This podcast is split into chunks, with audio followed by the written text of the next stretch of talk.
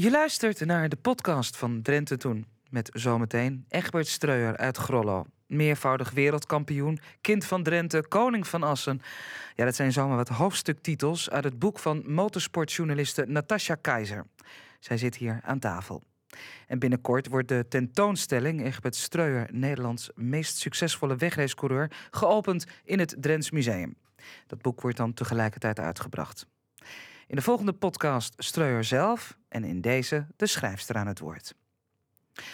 Met historisch onderzoeker Henk Luning uit Assen gaan we het hebben over de das. Volgens oude Drentse geschriften een slaperig, schuw en vreesachtig dier dat tot in de 19e eeuw in onze provincie ook nog zeer weinig bekendheid genoot. En op een gegeven moment eh, dan uh, blijkt dat de eeksters, die hebben ook een vreemd beest gezien. En gaat zelfs het gerucht, het kon wel een beer zijn. Nou, daar gaat men erop af en men gaat aan het spitten. En dan wordt er inderdaad een, een das gevangen, daar bij het Zwanemeer. Ook aandacht voor vrede zeden, de vrede zeden onder Drentse dorpelingen in vroeger tijden. Ze kenden Dieveren en omgeving de gewoonte om een vrouw die bij haar man was weggelopen terug te halen en bovenop een kar door het hele dorp heen te rijden. Niet alle vrouwen gingen daar zomaar mee akkoord. Maar toen ze die vrouw, had ze brood met in de hand. Want ze was natuurlijk woest dat ze, dat ze ophuilde. Maar ze, ja, ze verleuren, dat, dat wist ze gewoon. Zo'n zo jong was ze niet opgewassen. Jans de Bak was dat. Collega Andries Ophoff ging naar een tentoonstelling met werk van de bekende schilder van Dulmen Krumpelman. En daar ontmoette hij onder meer zijn kleindochter. Er is Old Nice, mooie oude radio van de Rono. En natuurlijk Wiebe Kruijer met een jeugdherinnering. Natasja Keizer, je zat hier vorig jaar vanwege het boek over eh, Jack Middelburg, Jumping Jack. Het ging over het leven, het werk en de dood van uh, Jack Middelburg. En uh, deze keer heb jij een boek geschreven over een levende legende. Ja, met alle respect voor die legende zelf, Egbert Streuer, dat vergt een hele andere aanpak, denk ik. Ja, ja het is totaal anders. Ja. Vooral ja, omdat hij er zelf nog is natuurlijk. Dus ik kan hem zelf nog alles vragen. Ja, als voornaamste bron, ja. ook voor het boek. en ging dat makkelijk? Ja, ja, verrassend makkelijk. Want ja, ik was natuurlijk ook wel gewaarschuwd uh, hier en daar uh, door mensen. Ja, Egbert is niet zo'n prater. En, en als hij je niet kent, dan uh, ja, kan wel eens lastig worden. Nou ja, toen duidelijk werd dat ik het boek ging maken en, en daar de afspraken over gemaakt waren, ben ik samen met Henk Keulemans, die de fotografie, alle beeld voor het boek heeft verzorgd. En die Egbert ook al nou ja, van het begin af aan, van het begin van zijn carrière kent en alles heeft meegemaakt, zijn we met z'n tweeën uh, naar Grollo gegaan. Nou ja, uh, ben ik geïntroduceerd. En dat ging eigenlijk meteen al goed. Jullie konden het vinden met elkaar? Ja, we hadden wel een klik. Ja. ja. Net als bij het boek over Jack Middelburg uh, hè, ben je het verleden gaan onderzoeken. Maar die zijspanperiode in Nederland, een tijdje lang was dat uh, heel populair. En hoe het eindigde, ja, daar gaan we het nog over hebben. Maar die zijspanperiode, uh, jaren 80, 90, heb jij die zelf meegemaakt? Bewust? Um, ja. Uh, heel, niet van heel dichtbij, laat ik het zo zeggen. ja, je volgt het natuurlijk wel. En Ehm, ik kijk ook naar Studio Sport, ook, ook op die leeftijd. Het, uh, dat, uh, toen hij wereldkampioen was, was ik 14, 15, 16, zoiets. Ja. Um, dus ja, dan lees je het wel in de krant en je weet wie Streuers Nieders zijn. Ja, dat, die, dat, dat is... met die baard en die knappe blonde die uh, ja, in het bakje precies. Zat. Maar de, de, namen, ja, dat zegt wel wat. Ja. Dat, het was natuurlijk een legendarisch duo wat dat betreft. De titel van het boek, eh, dat is ook de titel van de tentoonstelling uh, die binnenkort geopend wordt in het Drents Museum, is Egbert Streuer, Nederlands meest succesvolle wegracecoureur.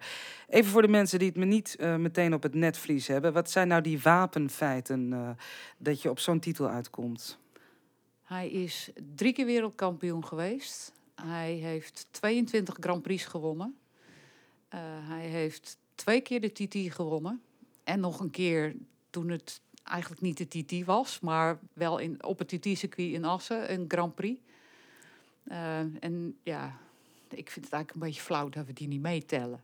Ja, nou vooruit. Doet ook mee. Maar goed, daarmee, daarmee is het en wel... elf eh, keer Nederlands kampioen, ook dat nog. Ja, maar door die overwinningen is het dus ook Nederlands meest succesvolle wegracecoureur geworden. Hè? Dat, Ja. dat, dat leidt Ja, geen en, en, twijfel. en die verschillen zijn aanzienlijk, want Hans Spaan is eigenlijk de volgende. Eh, nou ja, die heeft één keer de TT gewonnen. Eh, is geen wereldkampioen geweest. Eh, ja. ja, het is niet zo heel moeilijk. Nee.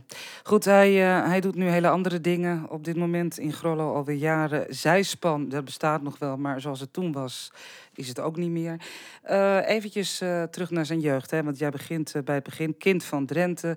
Ja, het boek, als ik dat zo lees, had ook wel kunnen heten Steeds sneller. Want Mijn, mijn, mijn eerste werktitel eh, was altijd op zoek naar snelheid.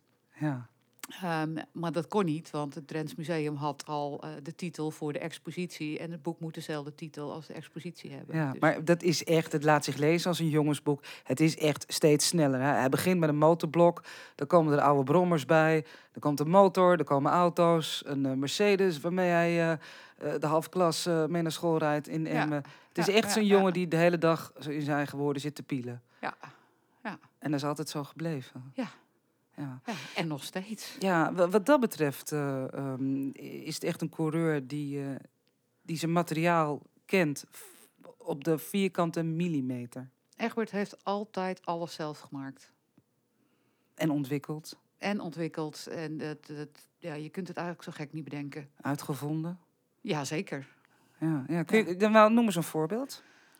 Ehm, ze werkte natuurlijk met eh, ja, traditionele 500cc eh motorblokken, die ook gewoon in de, in de 500cc klasse eh, werden gebruikt.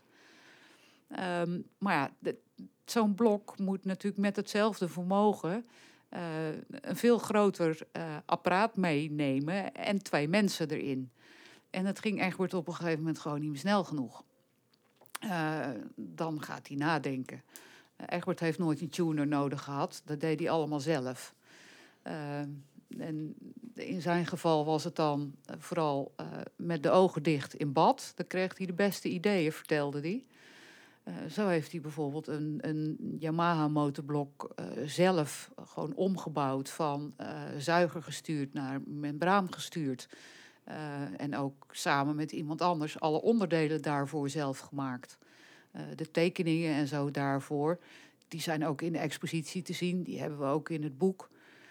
En dat, oh, dat is wel een heel leuk verhaal. Die ga ik er even tussendoor doen. Ehm, degene die die onderdelen maakte, eh, is Rinus Doorgelo. En ehm, eh, ik was bij Rinus eh, thuis en het was in de zomer. Het was mooi weer, we zaten buiten. Ja, hoe ging dat dan? En kun je me dan eens uitleggen? Rinus zegt, wacht even. Loopt naar boven, naar de zolder. eh, komt ongeveer tien minuten later terug. Met van die enorme eh velle papier. Ja, de, de A1-formaat, denk ik. Misschien nog wel groter. Alles met de hand getekend. Elk onderdeeltje, elke halve millimeter eh, van die onderdelen die hij dan uiteindelijk moest maken om dat blok aan te passen. En dat ziet er zo indrukwekkend uit. Echt zo'n priegelwerk. En Egbert zegt dan van, ja, ik had zelf eigenlijk nooit tekeningen nodig. Want als ik het in mijn hoofd heb, dan, dan weet ik het. Ja, ja mooi is dat. Maar Eh, s- samen hebben ze dus uiteindelijk ook zelf nog een motorblok. De een Strador. compleet motorblok eh, ontworpen en gemaakt. was dat de, Strador, de inderdaad. Ja, ja. Ja. het was ook echt... eh, wat is- Stree van Streuer Ja. en, en door van Doorgeloof. Ja. Ehm, je, je zegt dat nu, hè, wat hij in zijn hoofd heeft, dat eh, staat niet op papier. Er is bijna niemand die iets onaardigs over hem te zeggen heeft in dit boek. Eh, behalve dan bijvoorbeeld, eh, ja, hij zag er wat vreemd uit met die, met die boshaar en die baard. Of eh, iemand die een cassettebandje uit de bus gooide, want ze waren er wel flauw van. Johan van de Kaap, Kraftwerk, Autobaan. Maar het zit allemaal in die categorie. Maar kritiek krijgt hij wel op professioneel vlak. Van journalisten bijvoorbeeld. Ja. Dat voordat hij weer wint in 1991, eh, zijn er Kijk, veel op- eh, op- lelijke dingen. Op een gegeven moment had hij natuurlijk alles gewonnen. En, en hij vond dat er eh, iets moest veranderen, dat er dingen beter moesten. Eh, en hij wilde dat zelf doen zoals hij het in zijn hoofd had. Nou, dat is natuurlijk een ontzettend gepruts en gepriegel en gedoe en uitproberen en het mislukt. En op een andere manier proberen en het mislukt.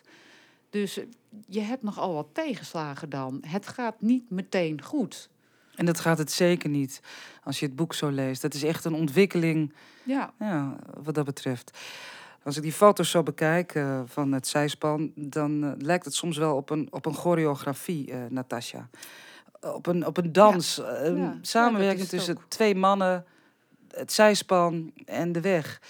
die, En- die drie moeten echt één geheel zijn. Ja.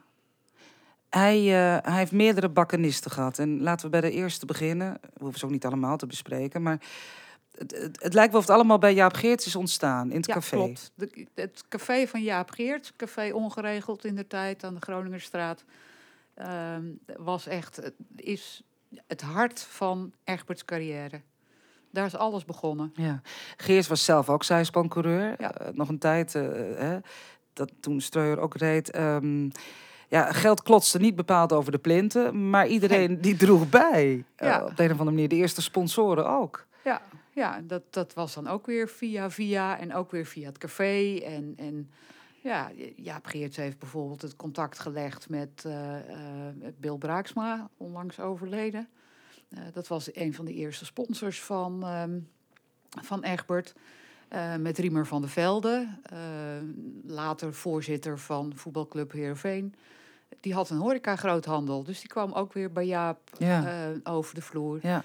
Dus, met werk het, was ja. het ook goed geregeld, want Streur werkte een tijdje ook in Bakkenveen bij die horeca-groothandel. En ze kregen de tijd om te doen wat ze moesten doen.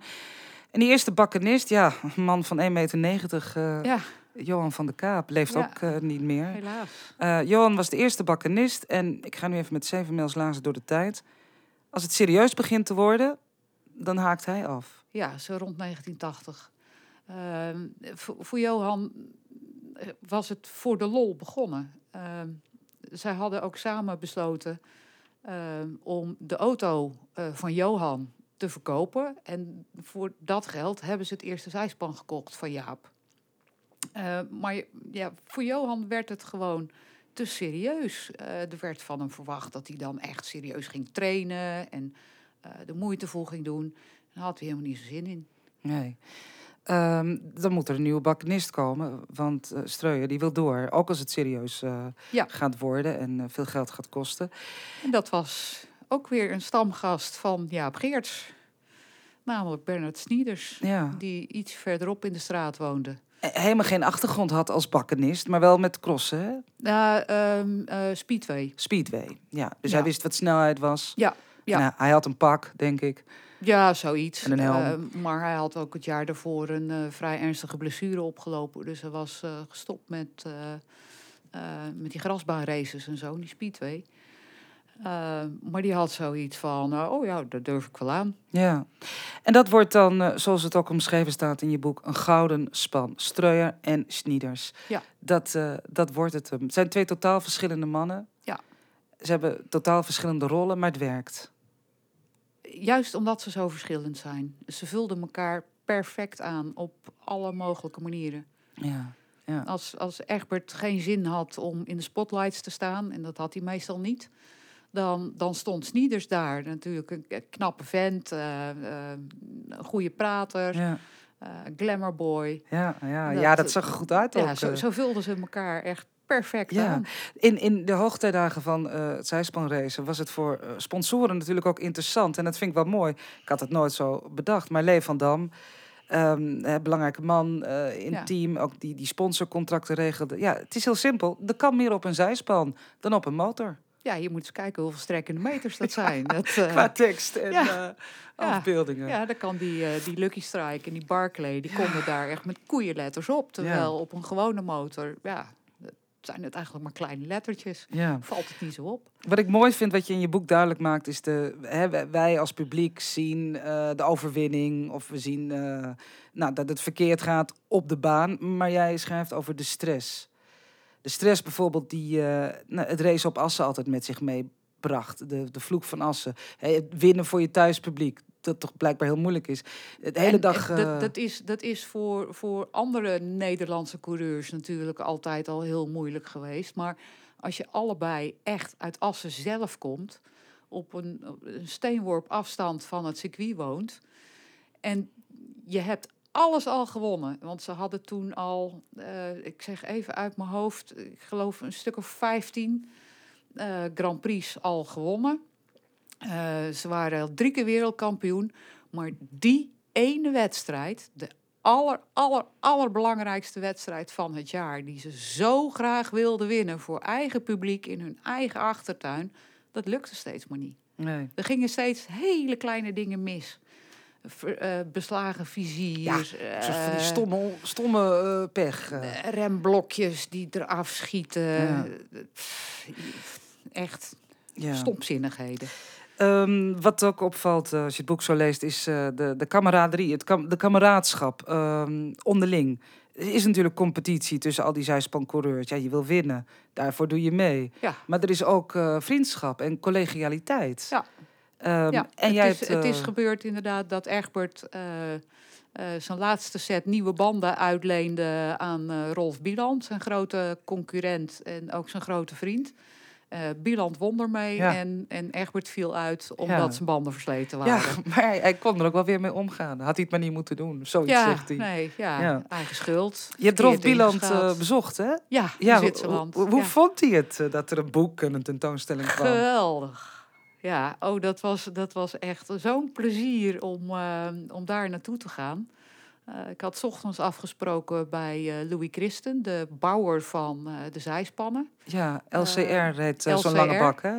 ja. Ja, Louis Christen Racing. En s smiddags kwam, kwam Rolf Bieland daar ook naartoe. En dat was echt geweldig. Vooral ook omdat. Kijk, ze, ze hebben natuurlijk echt, echt legendarische gevechten gehad op de baan. Eh, waar Egbert met zijn ogen dicht, meebewegend, elke seconde van kon vertellen. Maar Bieland, vanuit zijn Ja. eh, standpunt, diezelfde wedstrijd ook elke seconde, elke millimeter nog wist. Dus dat, dat was echt geweldig. Ja. Zo mooi. Het, Ja. het is ook hartstikke mooi dat ze, dat ze samen bij de opening van de expositie zijn. Ja. Die Maar, expositie... maar andere, ja. andere eh, concurrenten, zoals bijvoorbeeld Steve Webster, eh, vertelden dezelfde verhalen hoor. Ja. ja, bijzonder is dat. Die mannen hebben, die, die denken heel vriendschappelijk eh, aan elkaar. Ja, maar ze hadden elkaar ook nodig. Ja. Goed, nou ja, zonder in die valkuil van de goede oude tijd te trappen, toch, toch mis ik die tijd. Wat zo beschreven staat in jouw boek. Het is een andere wereld. Ja. En die wereld zoals er destijds zijspan gerezen werd, ja, die bestaat niet meer. Nee. Die hoogtijdagen. Waarom Nee. hield het op? Weet jij dat? Is dat Ja, hang, ja? staat ook wel in het boek. Eh, op een gegeven moment werden de Grand Prix natuurlijk overgenomen door eh, Bernie Ecclestone. En eh, daarna door Dorna. Ehm, Egbert is daar nog steeds een klein beetje boos over. op Jos Vaassen bijvoorbeeld. Want dat was toen de voorzitter van de FIM. En die heeft, ja, eh, naar de mening, in elk geval van de zijspanners, eh, de sport kapot gemaakt. Eh, ja, Jos denkt daar natuurlijk zelf anders over. Kan ik hem ook niet kwalijk nemen. Ehm, de- maar ja, die wilde die zijspannen gewoon niet meer bij de Grand Prix hebben. Geldkwestie? Een geldkwestie, ehm, de- maar ook een, een, een tijdkwestie. Je wil natuurlijk de belangrijkste klasse eh, op tv hebben. Eh, en als, eh, ja, als het vol is, is het vol. Ja. En dan passen de zijspannen er gewoon niet meer bij. Nee. Die nemen natuurlijk ook een hoop ruimte in in het rennerskwartier. Meer dan een 125 cc eh teampje, om maar wat te noemen. Maar die verdwenen dus langzamerhand naar, ja, naar het tweede plan. Werden bij de superbikes eh, getrokken. Zat veel minder publiek. Werd niet uitgezonden op tv. Nou ja, als, dat, niet- als het niet meer op tv is, is het voor sponsors ook niet meer interessant. En Heb als je dat geen wegvalt, geld meer, dan houdt het op. dan houdt het gewoon op. Ja. ja. Dus dat was voor Egbert toen ook eh, de reden om te zeggen van nou, op deze manier zie ik het niet meer gebeuren. Eh, hij moest er natuurlijk ook nog vijf man, eh, eh, Ja, die waren van afhankelijk betalen. eh, van hem, er ja. moesten vijf gezinnen van eten. Dus eh, hij is nooit officieel gestopt. Ehm, maar hij vond het wel genoeg geweest. Ja. Nou goed, eh, zo'n Benny eh, heeft, heeft het zijspanrace overgenomen. Was hij helemaal niet blij mee. Staat allemaal in het boek. Er staat nog een heleboel in het boek. Maar eh, dat moet je zelf maar lezen. Eh, wij geven drie exemplaren weg. W Books heeft het uitgegeven. Egbert Streuer, Nederlands meest succesvolle wegracecoureur. Geschreven door Natasja Keizer. Stuur maar een mailtje. drentetoen.rtvdrenthe.nl Natasja, dankjewel. Alsjeblieft. Goed, iets heel anders dan. Vrede zeden, vrede gebruiken in Drentse dorpen. Die horen wij van Jans Tabak uit Diever. We gingen bij hem te raden om daarover te leren. Die gebruiken die tot in de vorige eeuw gemeengoed waren, dus ook bij ons in Drenthe. Zo was het heel gewoon dat de dorpsjeugd ingreep als een huwelijk op de klippen liep. Het gebeurde wel dat een vrouw eh, bij haar man. En dat ze ook niet van plan was om weer te komen. En dan dachten de, de, ook weer de jeugd, die dachten van, nou, die en die is eh voortgelopen en die is nog bij, bij hem. Door, nou, dat moet veranderen. Dus dan ook weer op, en ze deed altijd op zaterdagavond. Ja, hem, eigenlijk zaterdagavond hadden de meesten het allemaal aan de kanten. En vooral als het dan bij de zomerdag was, dan zat iedereen, nou die was daar wel wat buiten of die zat buiten. En dan huilde ze zo'n vrouw op. Dan gingen ze met de wagen, eh, een couple jong worden dan verzameld. En dan gingen ze met de wagen erop aan, een stoel erbovenop. En dan worden ze door het huizen huilen. En dan worden ze op de wagen gezet. En dan worden ze door het hele dorp gedrokt. En dan, eh, dan worden ze weer teruggebracht naar je man. En eh, ja, als dat nou voor zo'n vrouw was dat natuurlijk een grote vernedering. Als die op zo'n wagen zaten en die dorpsjeugd er met toe te schroten en te goelen. En, en die hadden natuurlijk al het, het nodige genuttigd. En dan worden ze teruggebracht eh, weer naar je man. En ik, eh, het was ook allemaal veel met die, want ik zeg, als ze dat nou, eh nou moesten doen, dan, dan reden de wagens eh, dag aan dag. Want eh, er loopt er nou zoveel voor. Dan, dan hadden ze, hadden ze hartstikke druk. Maar van, van in geval weet ik dat, dat mij een ene vertelde die erbij geweest was. Dat het gebeurde. Dat, dat ook Bosse weggehuild is. Ik zal de naam niet zeggen. Bosse weggehuild is. Bosse weer naartoe brengen is. Nou, je rijk man. En ja, daar hadden ze... Maar toen ze ophuilen, die vrouw, had ze brood met in de hand. Want ze was natuurlijk woest dat ze, dat ze was. Maar ze, ja, ze verleuren, dat, dat wist ze gewoon. Zo'n zo'n kap jong was ze niet opgewassen. Nee, dan word je dus tegen je zin op zo'n kar gezet. Ja, en dan word je rondrennen tot schande van het dorp. En de meesten hebben er... Men wist wel dat die en die weggelopen was. Dat wisten ze wel. God heeft al gehoord, die en die is naar... Goh, nou, hoe kan dat nou daar? En dan dachten de jeugd van, nou, dat moet nou wat. Maar vaker waren het ook nog wel dat er nog kinderen waren, dat zo'n man dan met de kinderen alleen bleef. Dus zo'n gezin moest ook, ook, ook eh, geholpen worden. Dus dan zeiden ze van, eh we hielden ze op. En ik, heb, ik weet ook in Vledder, is mij ook verteld, daar is het ook een keer gebeurd dat ze iemand weer op huil hebben op de wijken, zeg maar. Ze deden het overal. Staphorst heeft het nog heel lang gedaan, tot in de zestiger jaren. Was daar nog het gebruik, dat ze iemand op de wijken. Het zal je gebeuren. Je bent eh, gezellig bij je nieuwe vriend. Ja, je eh, zit lekker aan de koffie en dan zo niet eens zo'n couple jongen voor de deur staan met zo'n wijk. En denk van, god, wat nou, gaan we drinken of zo vandaag? Maar nee, daar kwamen ze ook wel. En hoe ging dat dan in het algemeen verder? Want, want ja, dan is zo'n huwelijk dan... Men durfde, dan bleef zo'n huwelijk, dan bleven ze vaker bij elkaar. Want ze wisten wel, als ze het weer deden, dan gebeurde het weer. En dan ging het misschien veel hardhandiger. Dus ja, ze worden even terecht te wezen zo van, wat je nou gedaan hebt, eh, dat kan niet. Je bent met, eh, met hem getrouwd en eh je hoort bij uw gezin. En verder geen, geen gedoe. En daar waren ze gewoon mee af. Ze waren eh, heel... nou, net wat ik net zei, de zede was hard en, en, en, en de meesten waren ook hard. Zo van recht. En zo heurt het. Je moest niet van pad aflopen. Je moest... Want zo gauw hij, hij, hij, eh, misstappen begonnen, dan wordt hij terecht te roepen.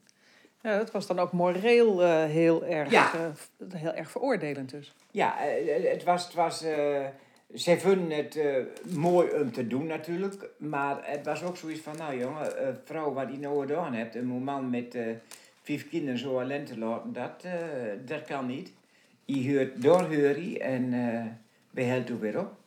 En dat deden ze. Ja, mooi gebruik. Nou, in Staphorst, u hoort het al, werd dit nog tot na de Tweede Wereldoorlog gedaan. Een Staphorster vrouw heeft naar verluid nog geweigerd van de kar te komen om mee te helpen duwen toen dat nodig bleek.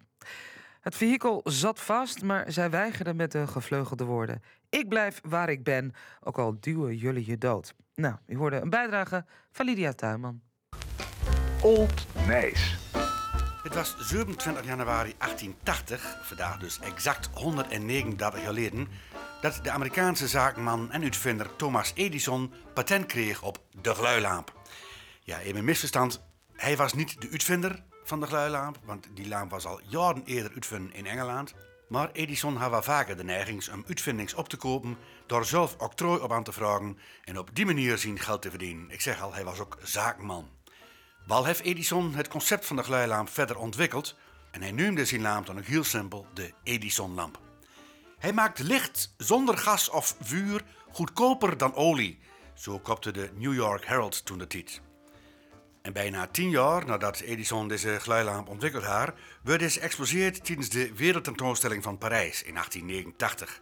De Eiffeltoren werd toen verlocht door duizenden Edison-lampen. De hele wereld was onder de indruk en de Fransen die reupen me tot het grootste genie aller tijden. Ja, iedereen zag natuurlijk wel de meerwaarde in van zo'n gluilamp. Vandaar dat er allerlei initiatieven werden genomen toen het om er maar voor te zorgen dat er stroom kwam waar zo'n gluilamp op branden wou. Wat lezen wij in de Leeuwardenkrant van 1 juli 1892? Elektrische verlichting te Leeuwarden. Op initiatief van de heer Joost Schuil, elektrotechnicus al hier, werd gisteravond in de benedenzaal van Amicitia een zeer goed bezochte vergadering gehouden om plannen te beramen en, zo mogelijk, een maatschappij op te richten tot het elektrisch verlichten deze stad uit één centraal station. Dan lezen wij in diezelfde krant dat meneer Schuil al jaren doende was om ervoor te zorgen dat er in Leeuwarden een centrale kwam. En zo lezen wij dat er niet meer gebruik van is gemaakt, is alleen aan de financiële bezwaren te wijten.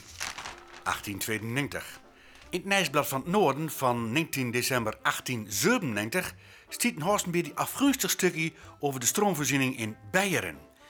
In het hoogland van Beieren, waar men in vele opzichten nog zeer achterlijk is wat de griefelijkheden des levens aangaat, is men echter vele grote steden ver vooruit in de algemene toepassing der elektriciteit voor verlichting en beweegkracht. Men heeft dit aan den overvloed van vallend water te danken. Vele boeren hebben zelfs in de keuken, de stallen en de schuren elektrisch licht dat er zo goedkoop is dat het voor een klein bedrag ineens zonder meter wordt geleverd. Gewoonlijk betaalt hij 20 mark per jaar voor een gloeilamp van 16 kaarsen, wat gerekend op 2500 uren op nog geen halve cent per uur neerkomt, terwijl men te Berlijn 2,5 cent per uur betaalt. Ja, goedkope stroom in Beieren. Er wordt veel reclame maakt voor de gluilamp, want zo staat ook in de Leeuwardenkraan van 7 juli 1890 hoe heerlijk zacht is dit licht en hoe weinig, ja, in het geheel geen warmte geeft deze lamp.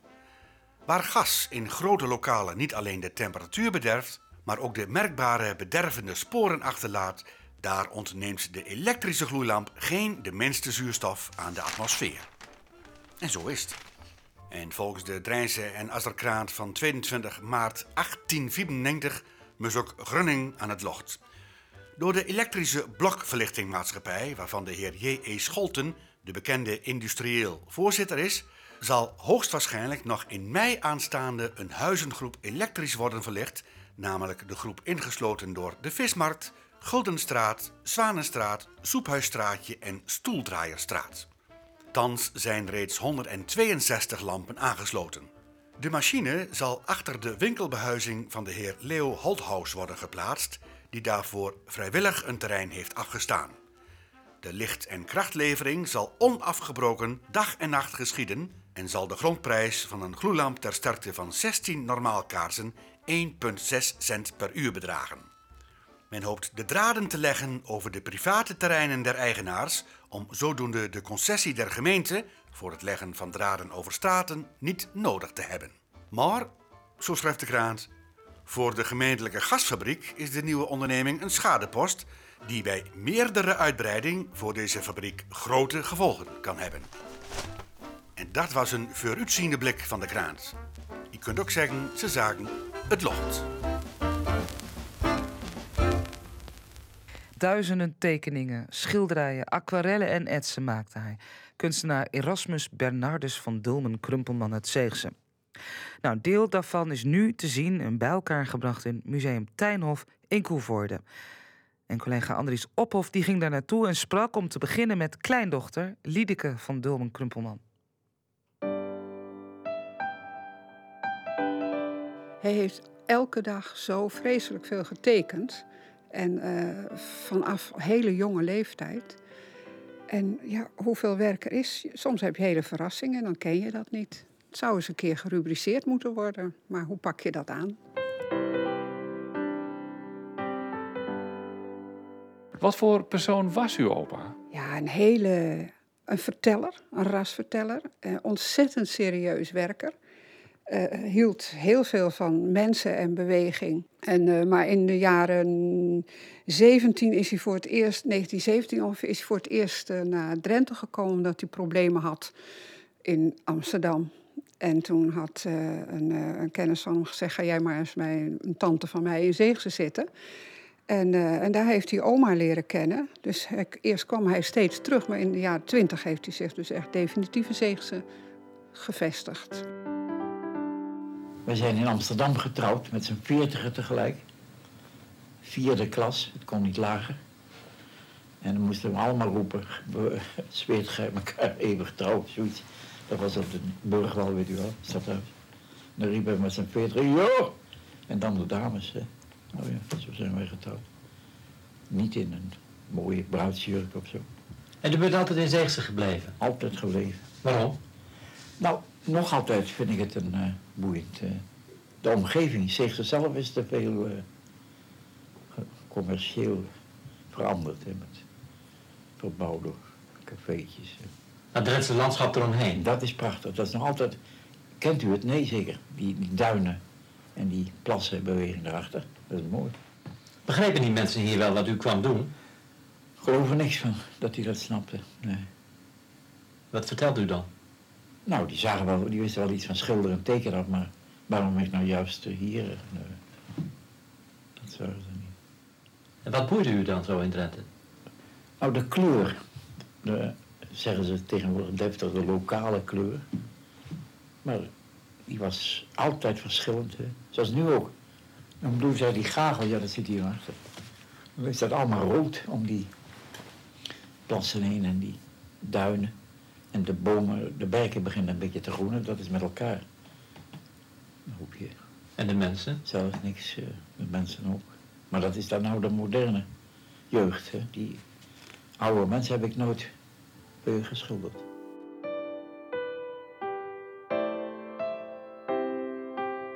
Kees Tijn, zelf kunstenaar en eigenaar van Museum Tijnhof.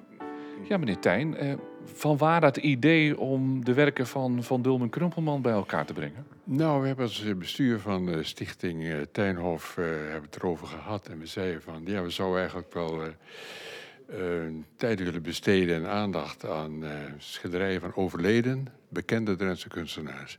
En daar is natuurlijk Bernard van Dulmen Krumpelman er één van. Eh, je kunt ook aan de andere eh, kunstenaars denken in de, de komende jaren, want we gaan hiermee door, één keer per jaar. Eh, dus noem maar Evert Mus en eh, bij Volker Haanstra. Nou ja, zo zijn er nog vele te noemen natuurlijk. Er hangen verschillende werken gemaakt in Drenthe, ehm, vooral uh, plattelandstaferelen. Wat leert dat ons dan, als je ze allemaal naast elkaar zou zetten? Nou ja, dat is de, de historie natuurlijk. Die kun je aflezen eigenlijk van de schilderijen. En als je dat ziet, hoe vroeger eh, zeg maar het land eh, geploegd werd. Eh, we staan nog bij een schilderij wat dat ook laat zien. En een Drentse schuur met een eh, echte kiepkader nog voor met een paard. Ja, dat zijn tafereelen die je tegenwoordig niet veel meer ziet. Dat is echt, eh, ja, honderd jaar geleden bijna.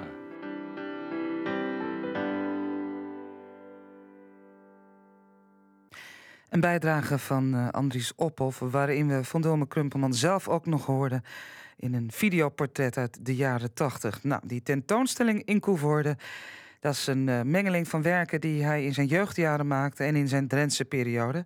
En de tentoonstelling is te zien tot en met 3 maart in Museum Tijnhof in Koevoorden. Wij gaan terug in de tijd met Henk Luning, historisch onderzoeker uit Assen. Ja, we hebben een serie met Henk, die noemen wij hier achter de schermen allemaal beestjes. En uh, daarin behandelt Henk steeds weer een ander dier in Drenthe. En dan met name de verhalen eromheen. Nou, toen ik dit hoorde, ja, zeker een aspect ervan, hoe men met de das omging, werd het mij koud om het hart. Maar luistert u zelf, Henk Luning, in een bijdrage van Lydia Tuinman. Uh, de das in de Drenten. Nou, in de eerste plaats denk ik dat er niet veel Drenten zijn die een das gezien hebben. Want de beesten die leven dus eigenlijk uh, bij nacht. Hè. Bij nacht komen ze tevoorschijn. En overdag zie je ze dus eigenlijk niet. Dus er zijn niet zoveel mensen die het das hebben gezien. Maar ze komen natuurlijk in Drenthe wel voor. En uh, ook altijd wel voor. Ze leven vooral in, in loofbossen. En uh, dat houdt dus ook in dat ze vroeger dus niet zoveel voorkwamen toen er allemaal heidevelden waren. Maar als later dus die grote bosaanplant komt, dan krijg je dus ook meer dassen in Drenthe.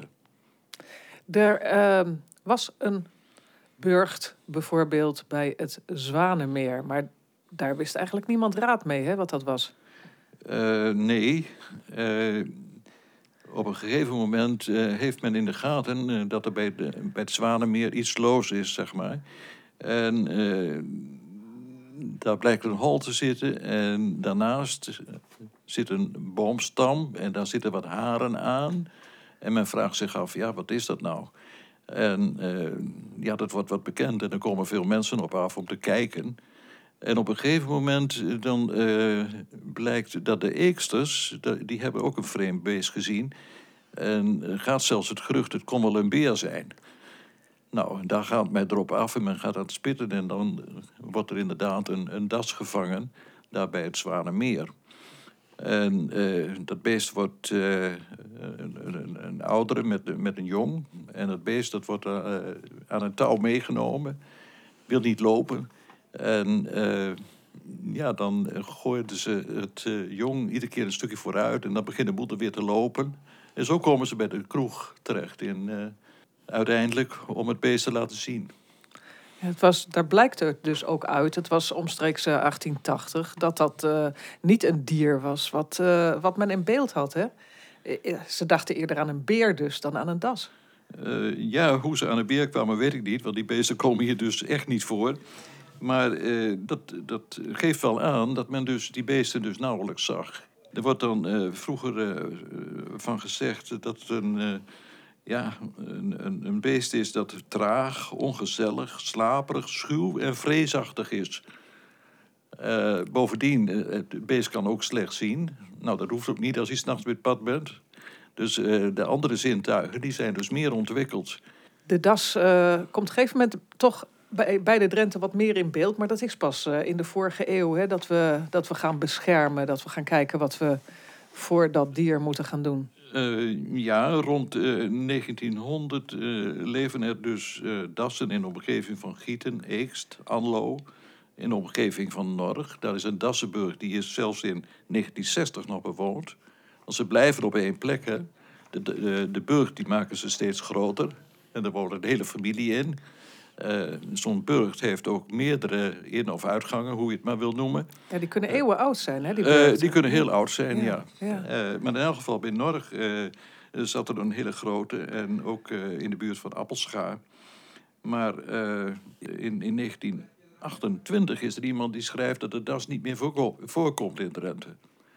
Nou, dat is dus niet waar, maar hij is dan wel zeldzaam geworden. En dan in 1932 komt het Maandblad Drenthe met, uh, met een pleidooi voor bescherming van de das. Maar pas in de jachtwet van 1954 werd het, uh, de das niet langer als een uh, schadelijk wild beschouwd. Dus toen dus, mocht hij eindelijk niet meer bejaagd worden? Toen mocht hij niet meer bejaagd worden. Ze zijn ook ja. wel eens wat vernielzuchtig, hè? ja, er zijn op een gegeven moment zijn hier ook weer dassen gepoot. Uh, de stichting Das en Boom die heeft uh, zich daar sterk voor gemaakt. op het landgoed Vossenberg in Onderwijster. Daar zijn dus eh, dassen gepoot. Eh, daar werden ze een poosje vastgehouden en werden gevoerd met katten en hondenbrokken. Dat wil dus ook heel goed. Eh, en intussen is dat dassenbestand weer groter dan ooit tevoren. Met het gevolg dat er soms ook schade van komt. Eh, daar hebben ze dus eh, last van in Vledder en ook in Schoonoord, waar ze dus een, eh, een sportveld vlak bij het bos hebben. En waar dus s'nachts de dassen dus het sportveld op de kop zetten. En beginnen te vroeten. Ja, mooi En op zoek naar de te- wormen natuurlijk. Proberen ze tegen te gaan om de, schrik, de schrik, schrikdraad erom toe te spannen. Maar dan is soms de stroom er een keer af. En dan is het net of ze dat ruiken. En dan komen de dassen weer. Dus daar, daar komt dan best schade van. Ja. Maar je moet natuurlijk ook geen voetbalveld eh, aanleggen naast het bos. Nee, is vragen om problemen. Dat zou je ook kunnen zeggen, ja. Al dus Henk Luning uit Assen. Volgende week dan horen we hem weer. Dan gaat hij praten over de raaf. Dit was een bijdrage van Lydia Tuinman. Wij gaan luisteren naar de, de laatste bijdrage van dit programma. Een jeugdherinnering van Wiebe Kruijer. Een 80-plusser die ze allemaal heeft opgeschreven. En elke week leest collega Robert Oosting er eentje voor.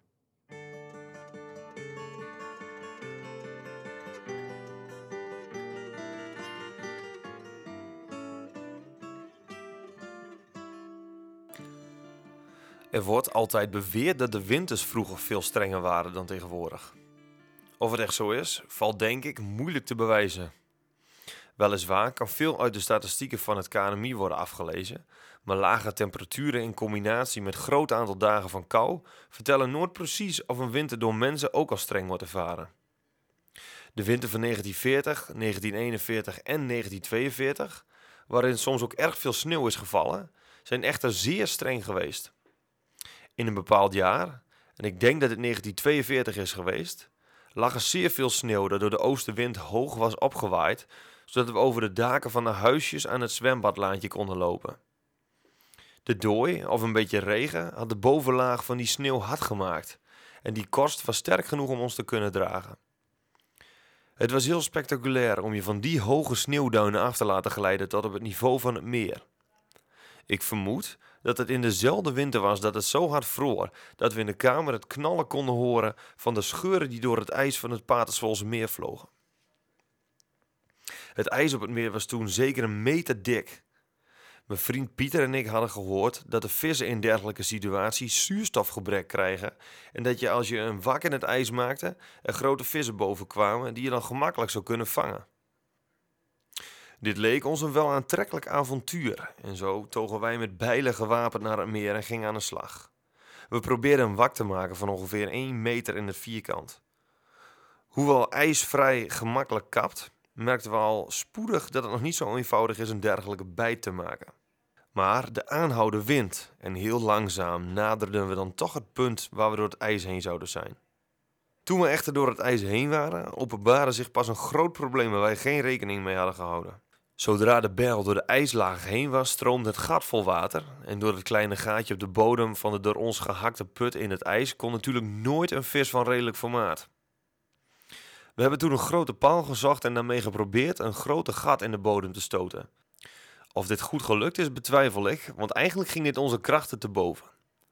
Het begon inmiddels al donker te worden en we moesten in elk geval het wak nog afzetten met takken om schaatsers te waarschuwen dat hier een gevaarlijke plek was. Op het moment dat we dit allemaal hadden geregeld, was het al bijna donker. De volgende dag was de bijt natuurlijk alweer dichtgevroren. Het resultaat van onze inspanning was niks. We hebben geen vis gezien.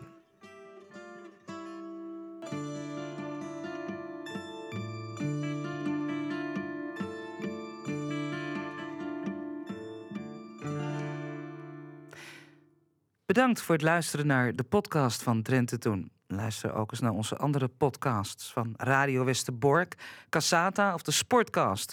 En als je dan toch bezig bent en je vindt het leuk, geef ons eens een sterretje.